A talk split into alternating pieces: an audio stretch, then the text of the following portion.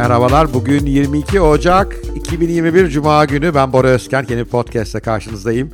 Bugün Apple'ın otomobil projesi hakkında biraz konuşacağım. İşte epey soru aldım bu konuda. İnsanlar tabii benim Tesla'ya, otonom sürüşe, etikli araçlara olan merakımı biliyorlar. Bir yandan da aslında bir, bir iki yıl öncesine kadar sıkı bir Apple aşığıydım. Hala da bütün dijital ürünlerim Apple işin doğrusu.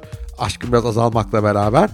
Ve bütün bunlar bir yere gelince de tabii benim Apple'ın otomobili konusunda ne düşündüğümü merak eden epey insan olmuş. İşte bu podcast'te onlara cevap vermeye çalışacağım. Bu projenin background'u ne? Geleceği ne olabilir? Tesla gibi, NIO gibi ve tabii geleneksel otomobil üreticileri gibi bir sürü sıkı rakibin olduğu bir yerde Apple'ın bir şansı olabilir mi? Geç mi kaldı, zamanında mı geliyor? Yaparsa bu iş nasıl yapar, nasıl fark yaratabilir? Bütün bunları bu podcast'te ele alıyor olacağım. Her zamanki gibi podcast'a başlamadan bir yorum, bir like süper olur. Hangi kanaldan dinliyorsanız daha fazla insana ulaşmam için. Evet, Apple'ın otomobil projesi Proje Titan ismini veriyorlar. İnşallah Titanic'e benzemez. Başlıyoruz.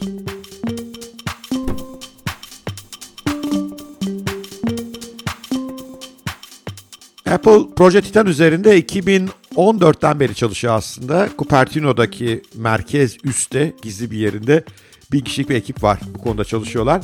Şu ana kadar pek ciddi bir ürün çıkmadı ortaya. 2014'ten beri olan çalışmalarda hatta 2016'da bir ara Apple'ın bu çabadan vazgeçmekte olduğu da konuşuldu. Fakat e, yakın zamanda yayınlanan bazı raporlarda Reuters'ın geçtiği haberde Apple'ın bu işte ciddi olduğu, kendi otomobili üretmek için hızlandığı haberleri gelmeye başladı ve 3 ile 6 yıl arasında yani 2024-2027 arasında bir yerlerde Apple'ın otomobilinin piyasaya çıkacağı söylenmeye başladı. E, bu çerçevede Apple otomobil grubunun başındaki kişiyi de değiştirdi. John Ginandria, inşallah doğru söylüyordur isimli bir beyefendiyi bu işin başına koydu. Aslında bu bey aynı zamanda Apple'ın yapay zeka projelerinin de başındaki insan. Tabii otonom sürüşte yapay zeka çok önemli olduğu için Apple bu atılımı yapmışa benziyor. Sonra Apple açıklamalarda bulundu. Bizde de otomobil konusu hala çok ciddiyiz. 3 ile 6 yıl arasında bir otomobili piyasaya çıkartacağız dediler ve tabii piyasa o gün bayağı bir çalkalandı. Apple'ın nasıl bir otomobil çıkaracağı belli değil. İlk zamanlar şu söyleniyordu. Apple doğrudan bir otomobil üretimini yapmayabilir. Ee, geleneksel otomobillerde kullanılacak bir otomasyon geliştirebilir. Yani yapay zeka sürüş otomasyonu yazılımı geliştiriyor olabilir ve bunu otomobillere entegre edebilir deniyordu. Fakat yeni açıklamalar Apple'ın bir yandan da pil üzerinde çalıştığını gösteriyor. Monosel teknolojisi kullanacaklar. Tesla'nınkinden biraz daha farklı bir teknoloji. Böylece pilin içerisine sıkıştırabildikleri enerji malzemesini artırabileceklerini iddia ediyorlar. Yapıp yapamayacaklarını tabii bilmiyorum. Şahsen ben Apple pillerinden genelde telefonlarda pek memnun olmayan bir insan olarak biraz şüpheci bakıyorum ama bu Apple tabii e, bunları yapabilir.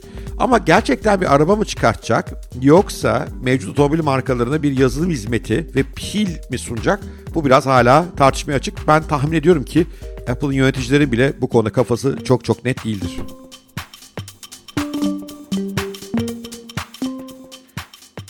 Tabii otomobil üretmek zor bir iş. Yani Tesla yatırımcısı olarak Tesla'nın mücadelesinde bunu gördüm. Çünkü yani cep telefonlarından farklı olarak otomobil içine can taşıyor. Çok zorlu koşullarda, çok zorlu yol koşullarında, çok birbirinden farklı trafik sistemleri içerisinde yer alması gerekiyor. Hava durumuna dayanması gerekiyor. Konforlu olması gerekiyor. için şık olması gerekiyor. Güvenli olması gerekiyor. Yani çok fazla faktör var. Ve bunlar Apple'ın e, klasik ürünlerindeki know-how'ının geçerli olmadığı şeyler. Apple ne yapıyor? Çok şık ve kullanım deneyimi zevkli ürünler yapıyor. Bu yönden iyi bir otomobil yapabileceğine inanıyorum ama bu demin dediğim faktörler Apple'ın tamamen know-how'ının dışına düşen şeyler ve kazanması da kolay değil. Yani Elon Musk gibi bir dahi bile Tesla'yı tamamen ayrı bir firma olarak kurarken klasik otomobil üretiminde müthiş zorlandı. Fabrikalarda geceleri gündüzleri yattı.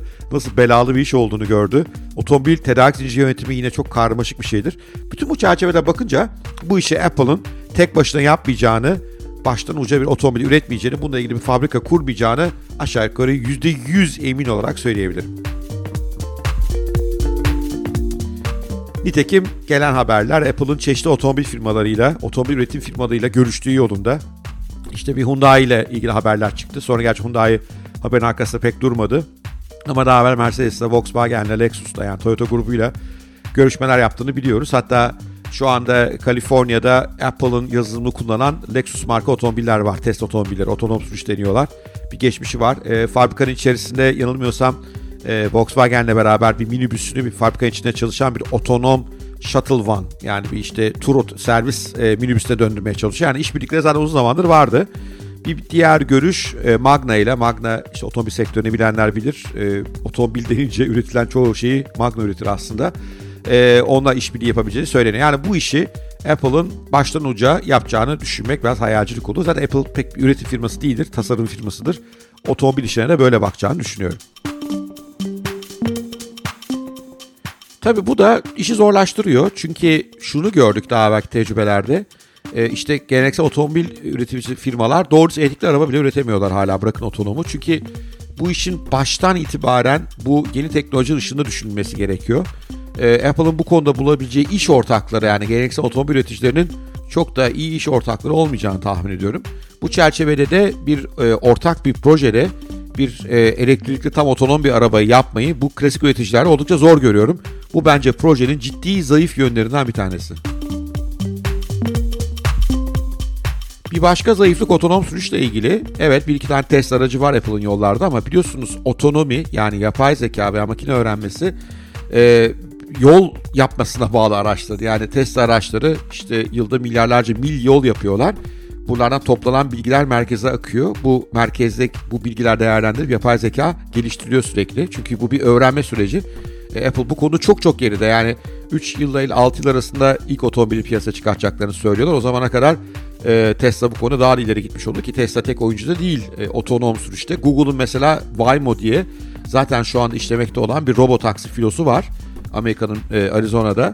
E, ve onlar da bu işin kadar zor olduğunu her gün test ediyorlar ama deniyorlar, yanılıyorlar, öğreniyorlar. Apple daha hiç yolları çıkmış değil. Ve e, daha belki tecrübeler bizi gösteriyor ki bu böyle simülasyon bilgisiyle işte Google haritalarını yükleyip test ederek veyahut da bir takım simülatif ortamlar yaratarak yapılabilecek bir iş değil. Trafik çok karmaşık. İnsanlar çok acayip şeyler yapabiliyorlar trafikte. Bütün bunları aracın gerçek yollarda öğrenmesi gerekiyor. Bu yönden Apple çok çok geride. Ben otonom sürüşte o yüzden Apple'a çok şans vermiyorum. Kaldı ki Apple'ın mevcut teknolojilerindeki yapay zekasında mesela Google'un falan hep çok gerisinde olduğunu düşünüyorum. Amazon'un, Google'un. Apple bu konuda biraz aslında hani şöyle bir avantaj şey var, hoşluğu var. Biraz kişisel veriyi korumaya falan çok özen gösteriyor ama bu bir yandan da yapay zekada onu geri tutuyor. İsterseniz bir deneyin. Siri ile Google'un asistanını bir deneyin mesela. iki tane yapay zeka ortalamasını, e, uygulamasını. Karşılaştırın açık ara Google'un önde olduğunu göreceksiniz. Ben Apple'ın bu konuda zaten yapay zekada mevcutta da pek iyi bir yerde olmadığını düşünüyorum. Otonom sürüşte hiçbir avantajı yakalayamayacaklarına inanıyorum bu yönden. Bu durumda elimizde pil meselesi kalıyor. Şimdi e, pilde tabii Apple pil bilgisi olan bir şirket yıllardır pilli ürünler üretiyor. E, ve burada bir ciddi teknolojilerin çalıştıkları söyleniyor bu monosol te- seyahat teknolojisi. Burada bir fırsat olabilir ama orada unutmamak lazım. E, özellikle Tesla ve Çinli üreticiler pil üzerinde çok kafa yoruyorlar şu anda. Yeni argeler yapılıyor, yeni malzemeler keşfediliyor. Yani Apple'ın burada ciddi bir fark yaratıp yaratamayacağı benim kafamda açıkçası soru işareti. Ama yine de hani mesela otonom sürüşe göre pil tarafında Apple'ın daha güçlü olabileceğine inanıyorum. Bir başka mesele de şirket kültürüyle ilgili. Şimdi Tim Cook CEO, Apple CEO'su çok başarılı bir CEO. Açıkçası onun döneminde Apple çok değeri artan, çok başarılı bir şirkete dönüştü. Ama pek öyle ürün insanı diyemeyiz kendisine. E, işin başına geçtiğinden beri, Apple'ın başına geçtiğinden beri iki tane ürün lansmanı var. Bir işte bu kol saati meselesi var. Bir de kulaklıklar var. Onun dışında hiçbir ciddi ürün lansmanı yok. Hep olan şey olan ürünleri daha mükemmelleştirmek, daha iyi deneyime sunmak, daha verimli hale getirmek ve bir yandan da Apple'ın bir hizmet şirketine dönüşmesini sağlamak. Yani çok iyi bir iş insanı olduğunu düşünüyorum. Çok iyi bir uygulamacı olduğunu düşünüyorum ama bu boyutta otomobil kadar karmaşık yeni bir ürünün üretilip piyasaya başarılı sürülmesi konusunda şu ana kadarki en azından tecrübeleri Tim Cook'un bu işin doğru adamı olmadığını bana gösteriyor. Kurum kültür olarak da Apple biraz kapalı kutudur biliyorsunuz. Kendi içinde gizli saklı yapmayı sever işlerini. Böyle işbirliklerine falan çok kuvvetli bir şirket değildir. Uçtan uca yönetmek ister süreci. Burada geleneksel bir otomobil üreticisi ki tamam başka bir kafadan geliyor onlar. Onlarla beraber iş yapmasını Apple'ın çok çok zor görüyorum. Yani uzun lafın kısası ben bu Apple araba işine çok inanmıyorum. Ben bunun daha ziyade bir servis olarak yani bir yazılım olarak piyasaya çıkabileceğini düşünüyorum. Diğer otomobil firmalarına sunulacak. Belki pil, pil teknolojisine geliştirdikleri yeni R&D know-how'la bunu belki piyasaya satabilirler bağımsız bir ürün olarak. Apple'ın tabii çok parası var e, ve çok ciddi bilim insanlarıyla çalışıyor. Bunları geliştirebilir ama Apple'ın böyle bir otomobil çıkarıp zaten cehennem gibi rekabetin olduğu otomobil pazarında Tesla gibi, NIO gibi bu işte çok yol almış ve bir yandan da geleneksel üreticiler yol alıyorlar. Bunların karşısına doğru bir otomobille çıkabileceğine ben hiç inanmıyorum. E, tarihe not geçsin. Ben 2024'te yollarda Apple arabaları görmeyeceğimizi, görsek bile bunun küçük bir e, proje olacağını, e, dünya otomobil piyasası ciddi bir yerinin olmayacağına inanıyorum. Tek bir kafamı karıştıran şey var Apple arabası konusunda. Belki böyle otomobil olarak değil de işte şu anda Google'ın yaptığı gibi, Tesla'nın yapmaya çalıştığı gibi taksi filoları, otonom taksi filoları olabilir. Bu olabilir. Burada bir Apple işbirliğine gidebilir belki. İşte atıyorum Apple, Uber artı Hyundai bir araya gelirler falan. İşte Apple'ın cep telefonları sayesinde bu ürünlere erişim de kolay olur. Kolay pazarlar Apple. Burada belki fırsat var ama orada da bence 3 ile 6 yıl arasında öyle bir yol alınmış olacak ki Apple'a bu konuda bir pazar kalmayacak.